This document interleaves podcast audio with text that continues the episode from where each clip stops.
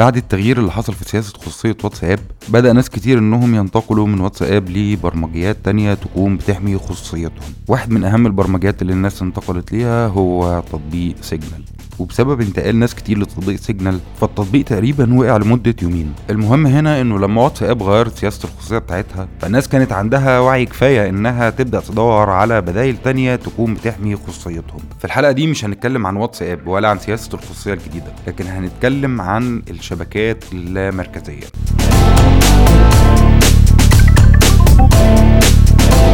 أهلا بيكم في حلقة جديدة من بودكاست أوبنت. أنا محمد الطاهر مدون وتقني مهتم بالحقوق الرقمية.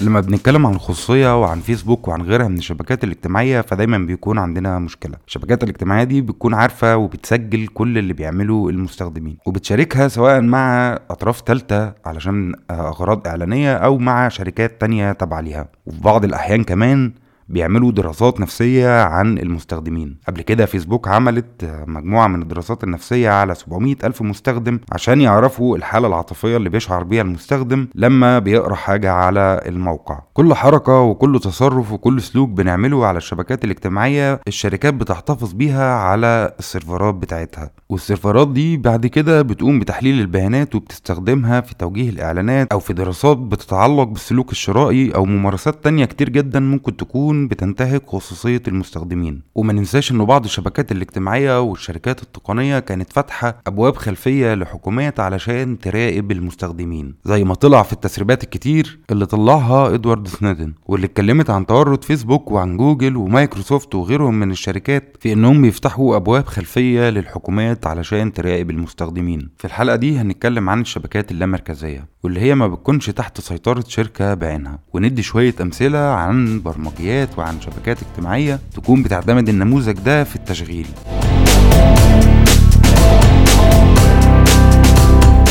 في الشبكات اللامركزية أو الشبكات الموزعة بيتم الاعتماد على نموذج اسمه ال federation وده نموذج تشغيل مختلف تماما عن اللي موجود في الشبكات الاجتماعية اللي شبه فيسبوك مثلا. فببساطة نموذج ال federation ده عبارة عن شبكة بتجمع تحتها مجموعة من الشبكات. وكل واحدة من الشبكات دي بتكون قادرة إنها تتصل بالشبكة التانية الموجودة في نفس ال federation. وده بيحصل من خلال وجود معايير موحدة لتشغيل الشبكات دي بحيث إنها تكون قادرة إنها تتصل ببعض بسهولة. ومش بالضرورة إنه اللي يشغل الشبكات دي تكون نفس الشركة أو نفس الشخص. لكن ممكن أي حد ينضم لل federation دي مادام هو قادر إنه ينفذ الشروط بتاعتها ويوفر المعايير اللي بتشتغل بيها. فإحنا هنا بنتكلم عن حاجة كده تشبه البريد الإلكتروني. مجموعة مقدمي خدمة مختلفين لكنهم بيستخدموا نفس المعايير. فأقدر إنه من جيميل ببعت إيميل تاني لهوت ميل في حين إن كل شركة فيهم بتستخدم بنية تحتية مختلفة وسيرفرات مختلفة. وطبعا هنا مش مقصود إن البريد الإلكتروني بيستخدم federation لكن ده مجرد مثل بفكرة توضيح إنه إزاي ينفع خدمات تكون بتستخدم نفس المعايير فتقدر إنها تتصل ببعض.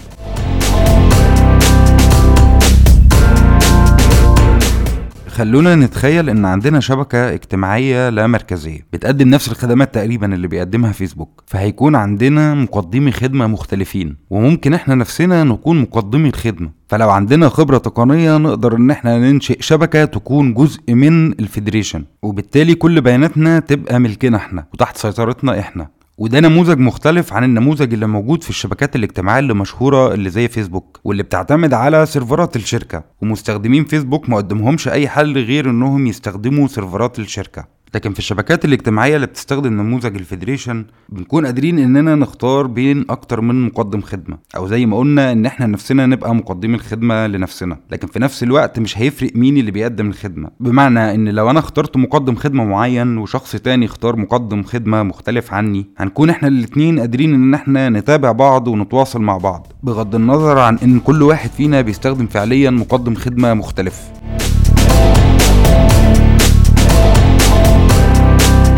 ودلوقتي بقى في نماذج كتير عن النوع ده من الشبكات زي شبكة Mastodon وهي شبكة بتقدم خدمة قريبة جدا من اللي بتقدمها تويتر لكن في مقدمي خدمة كتير جدا نقدر إن إحنا نستخدم من خلالهم شبكة Mastodon. وبغض النظر عن مقدم الخدمة اللي إحنا هنستخدم من خلاله Mastodon فإحنا هنكون قادرين نتواصل مع كل المستخدمين بغض النظر إذا كانوا بيستخدموا نفس آه، مقدم الخدمة بتاعنا ولا بيستخدموا مقدم خدمة تاني. نموذج تاني هو تطبيق Element. وده تطبيق للدردشة شبه واتساب مثلا. التطبيق ده بيستخدم بروتوكول اسمه Matrix. بروتوكول Matrix بيسمح للمستخدمين إنهم يتواصلوا مع بعض بغض النظر عن مقدم الخدمة اللي هم بيستخدموه. وكمان بغض النظر عن التطبيق اللي المستخدم بيعتمد عليه. فأي تطبيق هيكون بيستخدم بروتوكول Matrix المستخدمين بتوعه هيكون قادرين إن هم يتواصلوا مع المستخدمين التانيين اللي بيستخدموا أي تطبيق تاني لكن في نفس الوقت يكون التطبيق التاني ده بيستخدم ال Matrix. فلما بتكلم عن تطبيق Element واللي هو بيستخدم بروتوكول Matrix فإذا حد من المستخدمين هيكون بيستخدم Element هيكون قادر يتواصل مع أي شخص تاني يكون بيستخدم أي تطبيق بيعتمد على Matrix زي مثلا تطبيق NeoChat. فرغم إن الطرفين هيكون كل واحد فيهم بيستخدم تطبيق مختلف عن التاني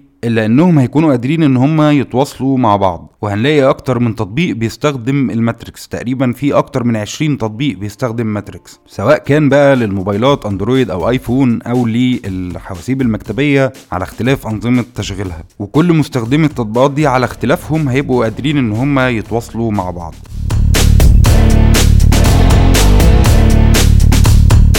دي تقريبا مقدمة بسيطة ومقتضبة جدا عن موضوع الشبكات اللامركزية وال federation. وتقدروا تلاقوا معلومات أكتر على الإنترنت وهتلاقوا معلومات كتير بتتكلم عن النوع ده من الشبكات. وانصحكم جدا انكم تجربوا واحدة من الخدمات اللي اتكلمنا عنها سواء حاجة زي ماستودون أو حاجة زي إليمنت. وهتلاقوا مع البودكاست روابط للخدمتين.